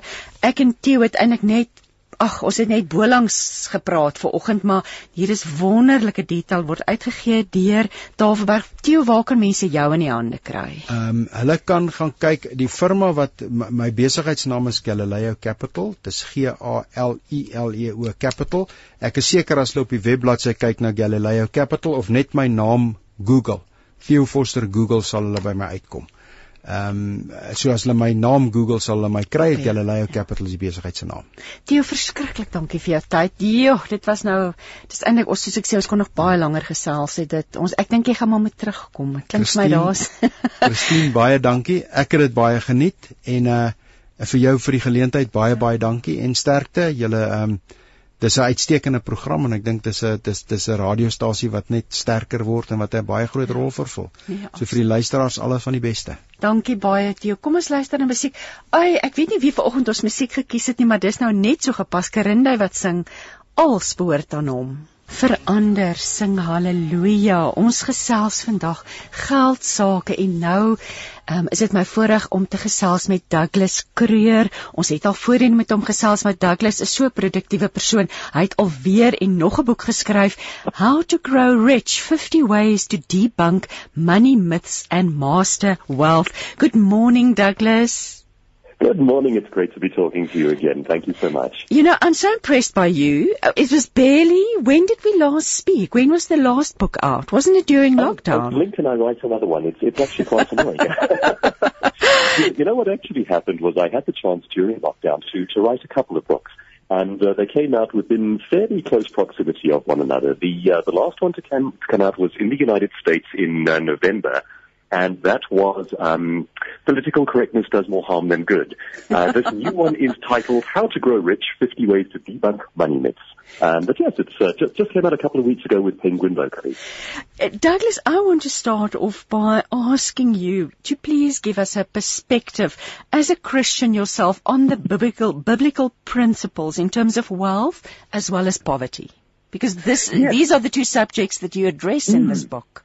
This is this is of deep interest to me, and it's the sort of thing you perhaps don't notice growing up in what has been for a long time um, a society that is largely informed by Judeo-Christian principles and has been over several hundred years. But when you start to get into looking at societies around the world and levels of prosperity and how people construct laws, societies, economies, um, you very quickly realize that we are in many ways blessed to be the inheritors of a Judeo-Christian system and that it's not the default setting for everyone. Um, I made the uh, perhaps depressing mistake of reading a, an old classic book by Alexander Solzhenitsyn called The Gulag Archipelago. And he takes us through the worst of what Soviet Russia went through under a godless system. And you contrast that with the way in which we, in, uh, predominantly in the West, but in, increasingly around the world, have been raised to believe in simple but incredibly powerful Judeo-Christian principles like personal accountability, work ethic, um, the idea of being honest with one another when we when we trade and when we interact. And when you have those simple things in place, the degree of human flourishing is is astonishing. But it's not a default setting for all of humanity. Yeah. When places try to implement a godless system, the ends, I mean, to, to put it into biblical language, are, are, are death and destruction, yeah. um, and in the most literal terms. So I'm very interested in the, the kind of philosophies underpinning how human beings think about work, wealth, and organizing their lives. And what I've tried to do in this one is it's a it's a sort of a combination book of how to how to prosper as an entrepreneur, uh, but the first half of the book is how to debunk the bad ideas that are currently competing in your mind. Yeah, because we live in a time, um, um, we've been talking about it a little bit now. COVID, financial markets are upside down, mm. people are scared, uh, people don't know what to do, you know, and, and we just we yeah. tend to think short term, most of us. But yeah. let's, I want to, you, you, you start the book by by un, but writing about unteaching bad ideas. What yes. what are these bad ideas that we have to to be untaught? To unteach, yes. Uh, it's the first time I've ever really had to do that. This is my, uh, if I'm counting correctly, I think third or fourth book on the topic of personal wealth. This is the first time I've ever had to start by saying um, you you need to weigh up this sort of idea of free market trade versus Marxist socialism versus the communist ideas that for some bizarre reason seem to be making a comeback. Um, and there are, there are horrifying stats to back that up. If you look at places like the United States, some 75% of the youth think that, that socialism would be an excellent idea. I mean, this is straight out of Karl Marx. Now, the same kids are largely unaware of names like Stalin or Mao or any of the, the places or people who have actually tried this before. Yeah. So the first part of the book is really going, what are the ideas? What are the, the two worlds, the two ways, the two wars that are competing for your mind in terms of belief systems? Because all wealth ultimately emanates from your thinking, your, your belief mm-hmm. system. Um, and I start by trying to clear away some of the clutter and point out why some of these ideas are extraordinarily bad. Now, that's perhaps the heavier side of things. There are also some fun ones where we talk about um, ideas like uh, why it's not necessary to be a starving artist, and we actually try to clear that idea away.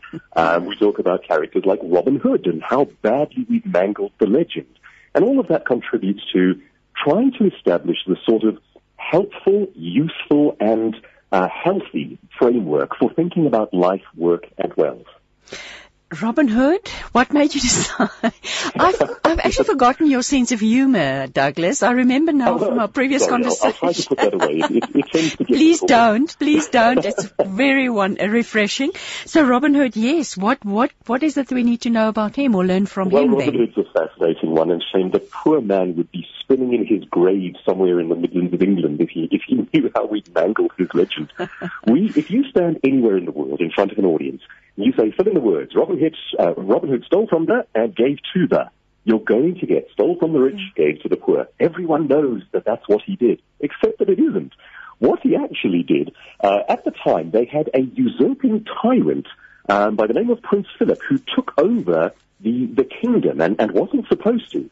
And what Prince Philip then did was he levied gigantic taxes on the people and the small businesses and the villages of medieval England. And uh, what Robin Hood then did was he said, this is deeply unfair, and he ambushed the usurping tyrant's tax collectors and gave the money back to the people. So far from being this idea of how evil the rich are and Robin Hood came along and gave money back to the poor, what he actually did was he gave their own money back to them. He's sort of a glorious but informal rebate mechanism. Um, and if, if anything should be taken from that story, it's, it's that taxation is theft. It's the opposite of what the legend is actually teaching. Now, you know, it, it sounds funny to talk about that, and you, you, go, well, so many hundreds of years ago on another continent, on the island, uh, why would we bother talking about that today? And the answer is because it's just one more little cultural myth informing the idea that yeah. anyone who makes money is bad and that it is noble to take their money away from them, that there's something good about stealing from the rich. Now, I, I come from a religious tradition that says theft is bad, it is immoral. Uh, unfortunately, these days, if you slap a government on it and call it re- redistribution, somehow it becomes moral again. Uh, and that, that's a big problem in my books.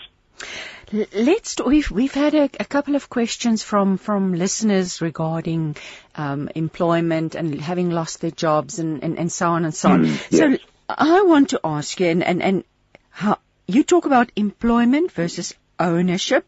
Do you think it's a good idea to be employed? Should we be working for ourselves? What is your opinion, Douglas?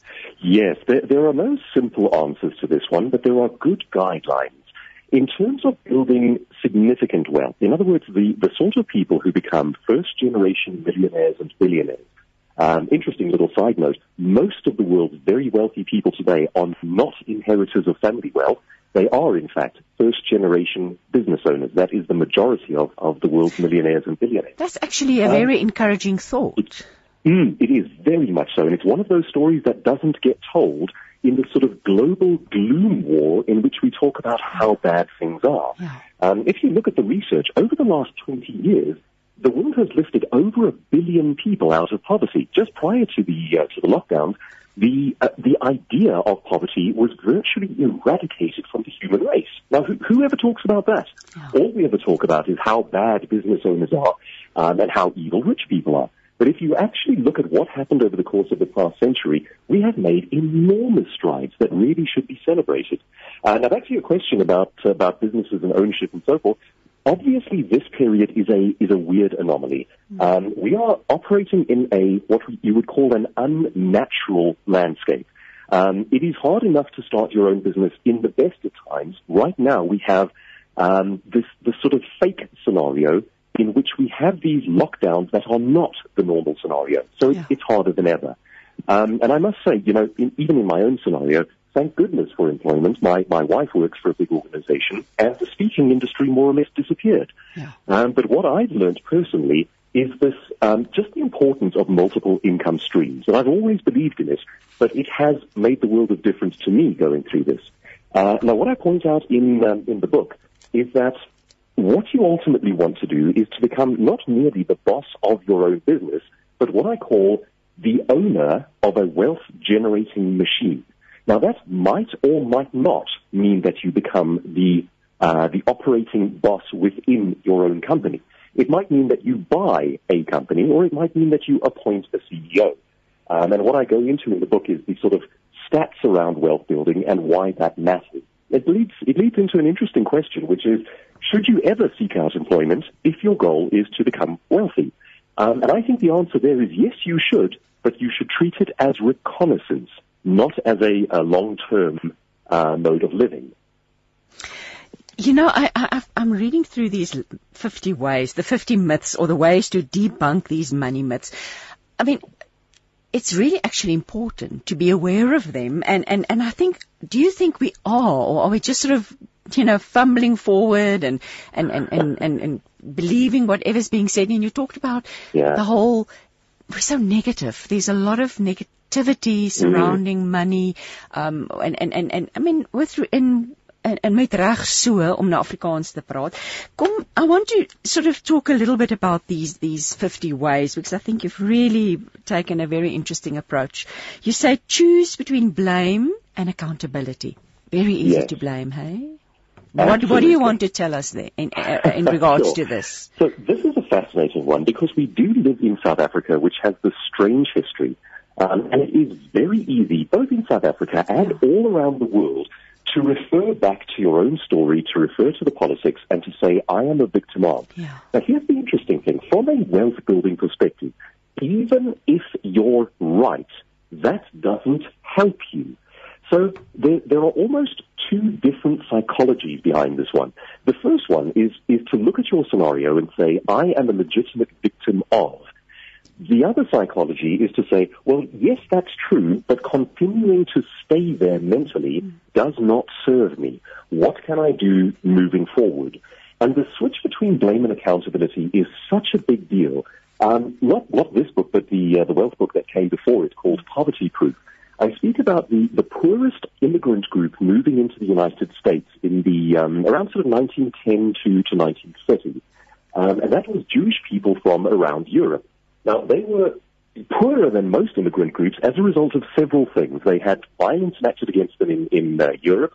They also came from places like Soviet Russia, which had just gone through this failed industrial revolution and uh, creating mass poverty.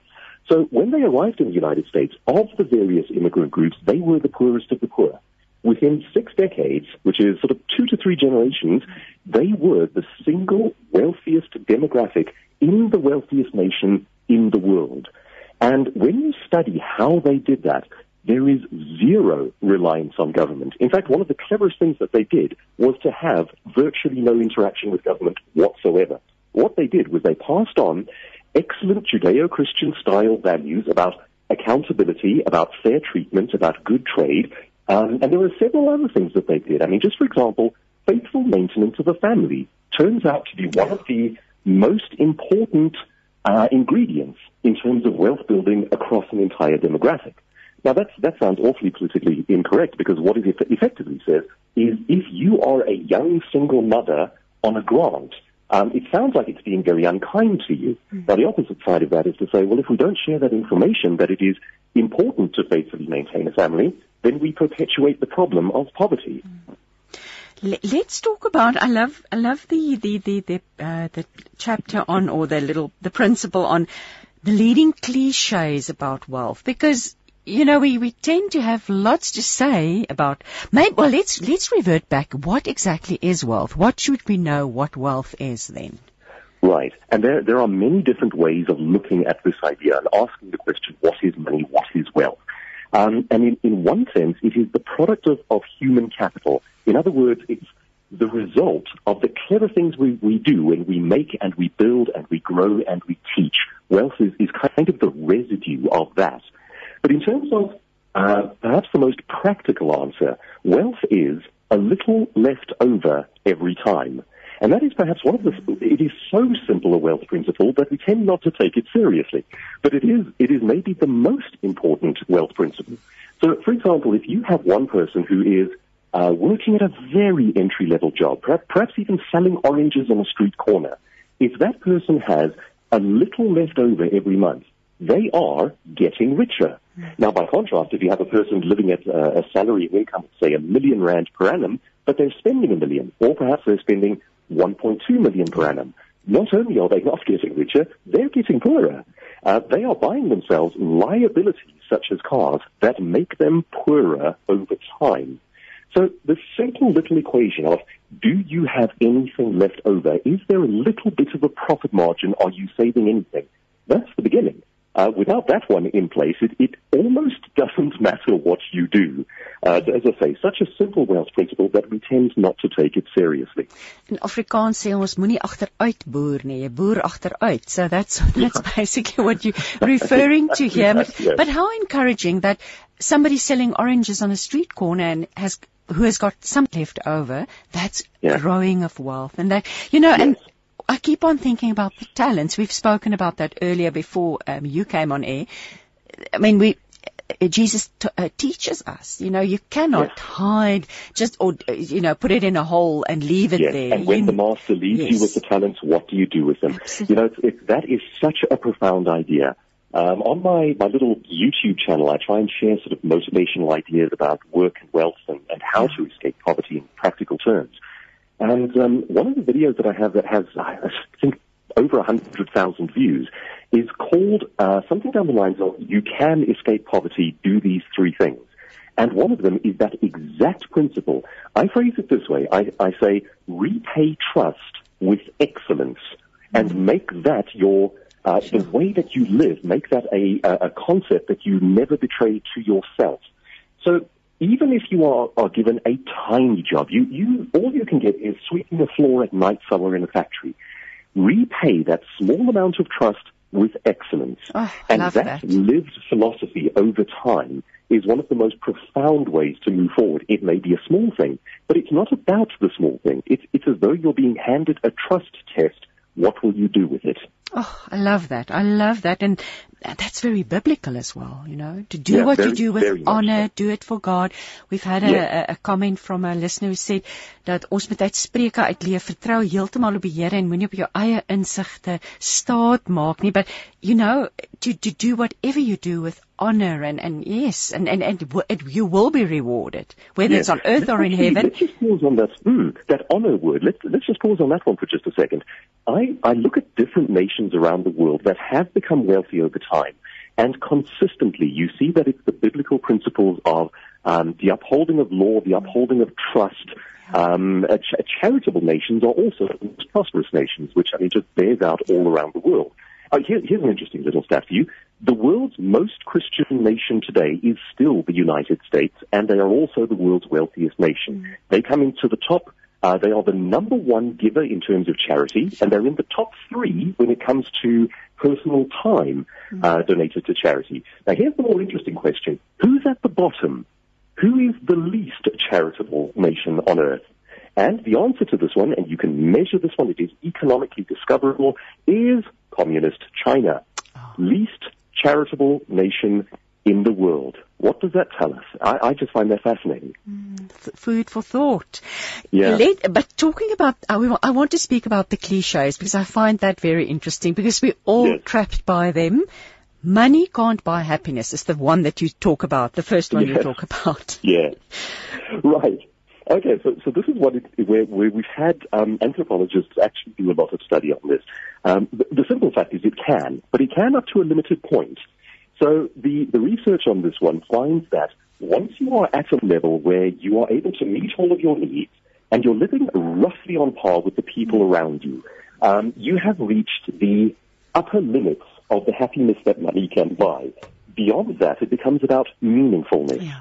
So at the bottom end of, of that struggle, um, money does in fact buy happiness in that it solves terrible problems.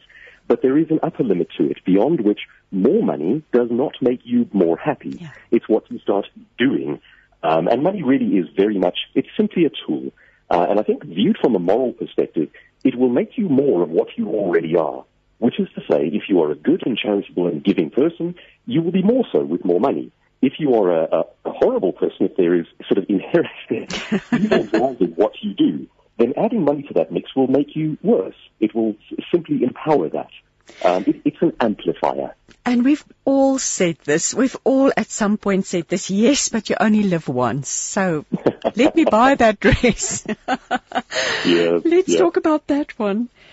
Well, and, and, and, it's a phrase that I've used. We've all used it. But underpinning yeah. that is the idea of living today rather than investing in the future. Yeah. And from a Christian perspective, our entire philosophy is about denial today because of a future in heaven, a future that yeah. is further yeah. down the line. And uh, it's, it's funny again, when you start viewing that in the context of entire nations, when groups of people live that way, they pass on better inheritances to their children. They create better financial systems. They create more prosperity. As compared to a group whose philosophy is, I have it, I take it, I eat it, mm. I drink it. Um, that doesn't go forward. It's, it's almost as though uh, viewed from a sort of a conservative perspective, it's as though you're breaking a contract with future generations. Yeah. You're simply saying, what can I take and have now? And biblical teaching says, no, we don't, we don't think that way. We think in terms of the far future and the denial now. And that's hard to do, but it is terrifically important. There's another one. I'd better be, I'd be better off just stuffing the money under my mattress. I know one or two people who do that. and it's one of those ones that we've all said as well. We look yeah. at things like bank fees yeah. think, if I just stuffed it under my mattress, I'd be better off. Well, what I do in the book is I, I run the numbers on that one. Now, if you are making the mistake, and it is a mistake, of simply leaving large mm. amounts of money in a conventional banking account, yeah.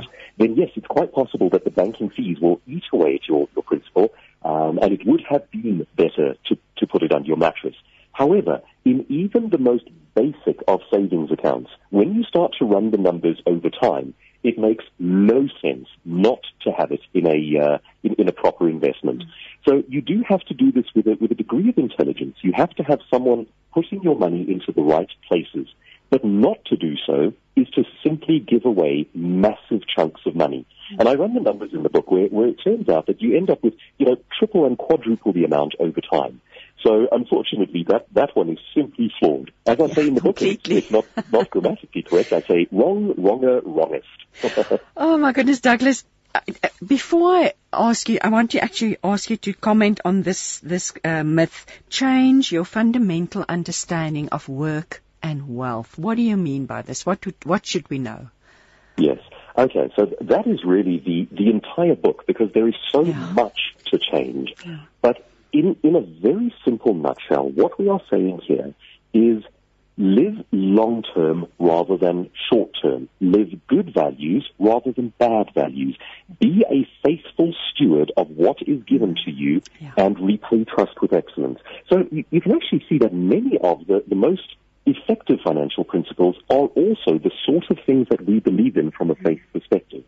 Um, and what's fascinating about it is that the, the wealth follows, and this is exactly the way that the Bible uh, phrases it as well. It's not about chasing the money; it's about starting with the good values and the correct thinking, and then all these things shall be added to you. And when we look at it from a biblical perspective, these things are added to people. It, it bears out economically.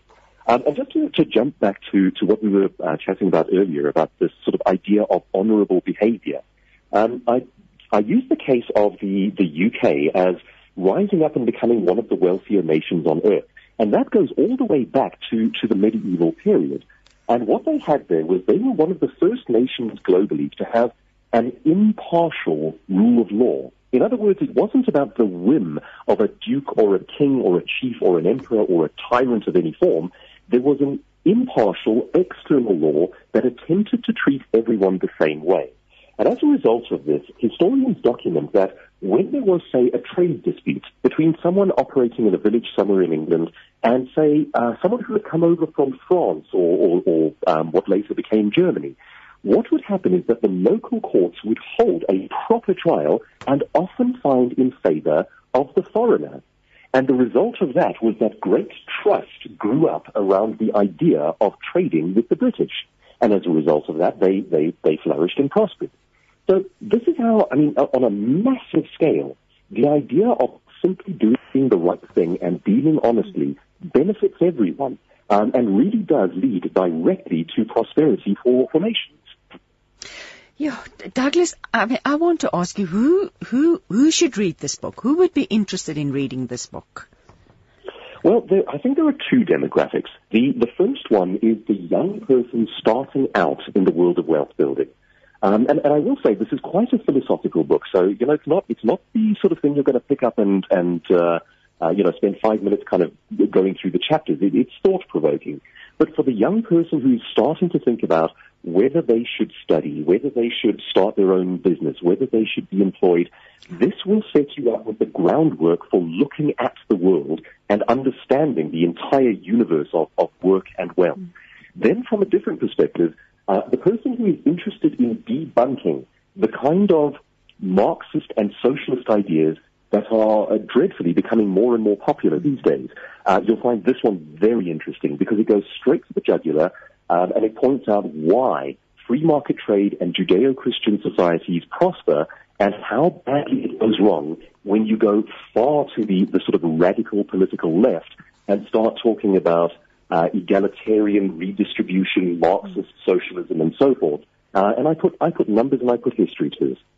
I was also interested by the the uh, by myth number 49 where you talk yeah. about the intergenerational wealth traditions of a family that you know ah, that yes. I do it because my father used to do it this way um, what do you what yes. sort of to, to wrap up our conversation what would you say about that thing right so one of the little phrases people often use is um, uh, it is, uh, gosh, it's just popped right out of my mind, but it's, it's something down the lines of shirt sleeves to shirt sleeves in three generations, which implies that if one generation rises up, starts a, a very profitable business, by generation three, that family will likely have lost its wealth again. Hmm. Now, that can and does happen, and in fact, it does happen quite often, but it doesn't necessarily happen. And here again, we, we harken back to values. If you give your children nothing but money, if the only thing you transmit is the ease of living with great wealth, then it is almost certain that by the third generation that wealth will be spoilt and lost. However, if what you transmit are the values that went into generating the wealth, then you have a very different story on your hands. And what I do is I, I give some research into practical things you can do in order to raise the next generation, not just as wealthy kids, but as faithful custodians of principles. And there again, that is a whole different universe. There you're not transmitting money, you're transmitting values. I love the way you end the book where you say winter turns to spring and you say when you're struggling it's hard to believe that you could ever not be struggling, that you could mm. ever be rich. And then you say, take your idea, your passion and your path, find its point of sale and build backwards from that. Execute better than anyone else. Delight the people who pay you and use empathy to keep on meeting their needs. It's so positive. Do these things well. And you sort of list a few more things do these things well and the season will change, will, winter will turn to spring and life will never be the same again. Yes. The rich are not a different species. They are simply people who have done the right clever things and persisted. And it is entirely and eminently available to us, more so, I, I would argue, than at any previous point in human history.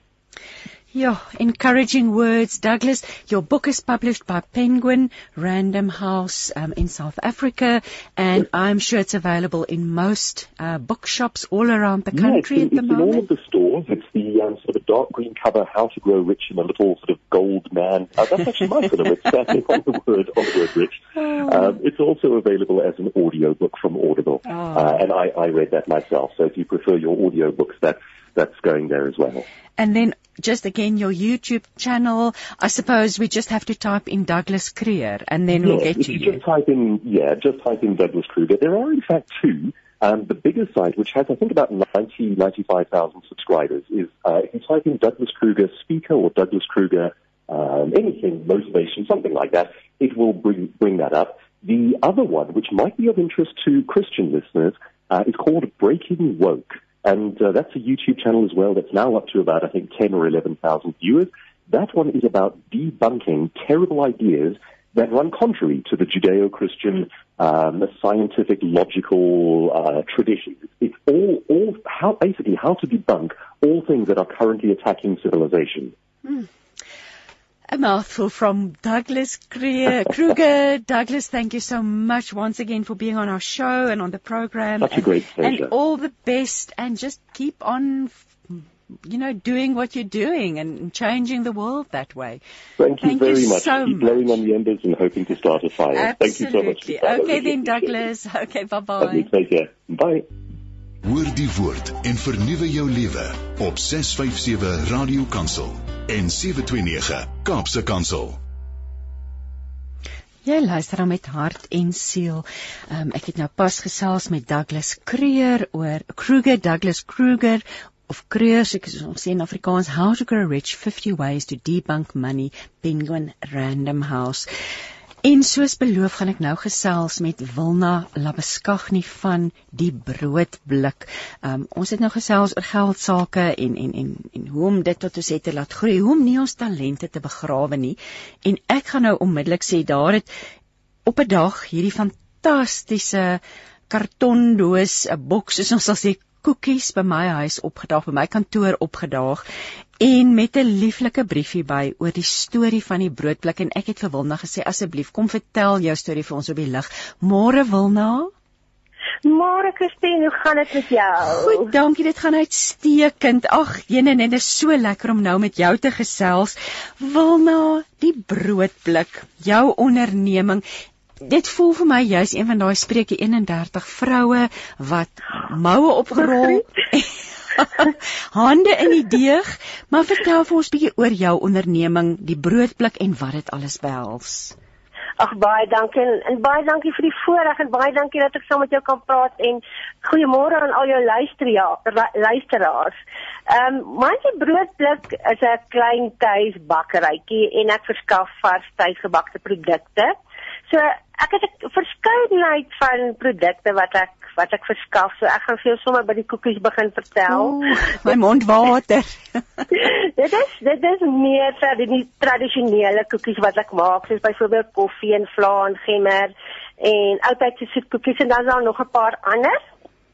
En dan het ek beskuit ook. Ons het lekker boerbeskuit, garringmelkbeskuit, mosbolletjies, vars mosbolletjies en dan maak ek ook beskuit met klipgemaalde meel. Ehm um, die ehm um, soos byvoorbeeld ontbytbeskuit en 'n volgraan beskuit en dan glo my as jy wil piesangbrood en 'n sjokoladebeskuit. Mm. en dan het ek skies. Nee, nee, so dit jy het eintlik 'n wye verskeidenheid van gebak wat wat mense by jou kan koop. Werk jy ja. alleen? Het jy mense wat saam met jou werk? Ek nee, ek het so ek gaan vir jou sê so 1 en 'n halwe persoonlik het iemand wat my amper voltyds help en dan die halwe persoon is my huishulp. Sy sy help my 2 dae van die week en dan die ander weke is sy dan by die huis. Maar so sy help my verskriklik baie. Ja, so ek is nie alleen nie. Ek sal dit nooit alleen kon behartig nie. Ja. Ja, ek is so dankbaar vir hulle. Is my regterhande, hoor. Wonder maar ek dink voordat ons ek wil ek wil met jou gesels oor jou geloof ook. Die rol wat jou geloof, maar ek dink dit gaan deel wees van as jy vir ons vertel van die storie agter die brood broodblik. Um jy sê jy het, het groot geword op 'n plaas in die Witkop omgewing in die Stormberge in die Oos-Kaap. Vertel vir ons waar, hoe hou dit nou verband met die broodblik vandag? Ja, weet jy, ek het in die in die in die ehm um, uh Stormberge groot geword op 'n plaas daar. Ehm um, uh dit is nogal regtig baie baie baie koud daarso. So die wintertemperature was minus temperature gewees. Ehm um, en die die ons is vier kinders, uh drie sissies en 'n broer. Ehm um, so ehm um, ons het baie baie baie lekker tye op die plaas gehad. Ons was in 'n skoolkoshuis gewees op Burgersdorp. So ehm um, ons het altyd net naweke en vakansies huis toe gegaan. Dit was nogal ehm um, lekker geweest daai tye in die, in die koshuis ook. Maar dan as jy naweke of vakansies teruggaan huis toe, plaas toe en jy stap by daai deur in, mm. dan kry jy al hierdie lekker reuke van vars tuisgebak en al daai goeders. Ehm um, so dit was regtig 'n uh, 'n tyd wat wat wat vir my baie lekker was. Ehm um, en dan as jy elke oggend wat jy opgestaan het, nê, het jy hierdie vars reuk gekry van van tuisgebakte brood wat al reeds op die ontbyttafel is en dan jy dit net lekker saam met plaasbotter en tuisgemaakte konfyt geëet. Oef, en jy, uh, jy jy skryf hier uh, dit is die briefie wat saam met jou produkte kom sê blikke en blikke oorlopends toe vol in daardie plaas kom kombuis is waar die liefde vir bak begin het. My ma en my oumas, hulle het hulle was die beste leermeesters. Jo, dit is dit so nostalgies en ek dink dis dalk deel van die sukses, nee, ons ons verlang terug na daai daai dinge, daai herinneringe uit ons kleintyd en dit vang jy nou vas in 'n koekie en in 'n brood vandag. Maar vertel vir my 'n bietjie oor die rol van jou geloof in hierdie onderneming. Ehm, um, weet jy, ehm um, dit is vir my 'n eerste prioriteit en dit was en is en sal altyd 'n eerste prioriteit wees in my in my eie lewe en in my onderneming. En weet jy, ek leer elke dag en en ek besef elke dag dat jy nie jou onderneming sonder jou geloof kan aanpak nie. Ehm um, want ek vra elke dag vir die Here vir sy hulp en krag en en dat alles wat ek doen wil ek tot eer en verheerliking van hom doen. Ehm um, en dan wat vir my belangrik is is om om uh, my gasheer en enige gas te maak elke dag. Hy moet saam met my wees waar ek gaan en as ek werk dan dan moet hy daar wees. Ehm um, so dit is dit is vir my regtig belangrik. Ehm um, en dan spreek ek lewe oor my onderneming. Ehm um, jy weet ek is nie altyd altyd die positiefste mens, ehm um, positiefste mens nie en dan soms verloor ek dan my rigting en dan dan verloor my dag dalk nie soos wat ek dit beplan nie. En dan dink ek by myself ag jene wil nou wat gaan nou weer aan? En dan as ek gaan sit en ek dink terug aan wat het verkeerd gebeur dan besef ek jy ek het dalk nie die dag reg begin nie. Ek het hom dalk nie voluit saam met jou begin nie. En dan gaan ek terug en dan weet ek okay ek moet nou hierdie dag omkeer en dit sal met die Here begin. Hier's nou drie skreer van Palaborwa wat wat saamgesels. Hy sê my ouma het in 5 liter oliekanne kan die sy het 'n 5 liter oliekannetjie brood gebak. Sulke groot brode wat so lekker is. O ja. Jy sê die broodblik het dan in 20 11 ontstaan. So jy's nou jy 4 vanjaar 10 jaar van jou besigheid en dit het eintlik bestaan uit hierdie liefde en die verlange na die beste vars tuisgebak. Eh, Wilna, ja. vertel vir ons as uh, iemand nou luister en en ons het nou gepraat oor geld sake al vroeër vandag en en hulle voel op hulle hart hulle wil graag hulle gesin um help onderhou. Daar's dalk 'n konfytjie nodig vir die brood of of of net die brood is dalk net nodig. Wat sou jy sê vir 'n vrou wat wat wat hulle eie of 'n persoon wat hulle eie klein onderneming uh van die huis af wil bedryf? Ehm um, Christine uh 'n uh, mens moet regtig gaan sit en mooi dink wat jy wil doen van die huis af. Want 'n uh, 'n tuisbesigheid nê nee, is presies dieselfde as 'n ander besigheid. Dit is net 10 keer harder werk. Ehm uh, jy het altyd dieselfde uitgawes as 'n ander besigheid. Ehm uh, en jy moet 10 keer meer insit want jou besigheid is nie so sigbaar nie omdat jy ja. van die huis af is. Dit is nie soos in 'n besigheidsentrum, 'n winkelsentrum waar daar baie voete is en by jou besigheid kan verbyloop nie. So mens moet regtig baie meer insit en dan jou bemarking is verskriklik belangrik. Ehm um, so uh, sosiale media speel 'n verskriklike baie belangrike rol soos jou uh, 'n uh, webblad of 'n of 'n Facebookblad en dan uh, netwerke. As jy 'n groot genoeg netwerk het ehm um, wat wat jou produk kan versprei of wat kan vertel van jou produk, is dit net so belangrik. Ehm um, Ekskuus. Nee, ekskuus, jy noem nou 'n Facebook bladsy. So ek wil uiteraard vra, is daar vir die broodblik 'n Facebook bladsy? Daar is vir die broodblik 'n Facebook bladsy. Die broodblik is die Facebook bladsy se naam. Ehm um, ja, en en jy moet hom gereeld gereeld aan die gang hou. Jy kan nie ehm um, miskien net vir 'n ja. vandag eh, 'n uh, stukkie opsit en dan besluit ek ek gaan vir 'n maand weer wag en dan 'n stukkie opsit nie. Ehm um, ek het dit ook agtergekom. Jy moet elke week ten minste 2 of 3 keer uh, 'n stukkie op jou Facebook bladsy ja. sit om jou produkte te adverteer. Dis wat interessant het jy vir my sê jy's nie sigbaar nie, so jy maak baie staat op daai uh, by word of mouth nê nee, wat mense sê, mense wat jou wat jou eet ja. goed ge, geproon. So wil na uh, uitdagings, so 'n neutedop. Hoe hanteer jy die uitdagings van jou besigheid? En nou wil ek ook vra, wat is vir jou lekker daarin om hierdie besigheid van die huis af te bedryf? Dit is my so lekker want dit is dit is my werk en dit is my stokperdjie. Ek is ek is verskriklik lief vir bak. So dit is dit is my alles en dan weet jy wat vir my ook ehm um, lekker is is dan ek dink ek is 'n 'n baie huismens so dan is ek by die huis. Ehm um, ehm um, ja, en maar dit is my werk en my stokperdjie. So dit, ek dink omdat ek dit van die huis af doen is omdat dit vir my stokperdjie ook is. En dan uitdagings? Okay, ja, uitdagings, mens kry regtig ehm um, uitdagings. Ehm um, so wat ek maak is ek sit en ek breek daardie uitdaging op in stukke dat dit nie soos 'n berg voor jou is nie. Ehm um, dat jy dink, "O, oh, genade, wat gaan ek nou hmm. doen om hierdie ding reg te kry?" So ek probeer kalm bly. Ek ehm uh, maar as jy gaan begin stres dan dan gaan jy dalk verkeerde besluite neem of verkeerde dinge doen met hierdie uitdaging of dan dan moet ek ook my emosies in toom hou. Laat jy nie ehm um, jy weet dat jy nie uh uh weghardloop met jou emosies en dalk ehm um, jy weet dink wat is van die uh, ek kan dit nie hanteer nie. Dan gaan sit jy stil en jy gaan sit en dink hoe ek hierdie uitdaging moet aanpak. En ek dink die belangrikste ook is om iets neer te skryf. Skryf neer hoe jy dit hoe jy dit wil doen en wat jy wil doen. Chrissy van Londen en nou vir ons ek sien sy bak melktert daar in die verre. Sy sê hierdie gesprek bring my ver terug na my kinderjare op die plaas hier in Engeland. Pluk ek die vrugte in die lanings en kook nog steeds my konfyt. Ek bak nog steeds en hier is die foto van die melktert wat sy laasweek gebak het. Seën vir julle sê Chrissy. Wil nou waar kan waar kan mense ons ons tyd raak? Ons begin aan die uithardloop aan tyd raak.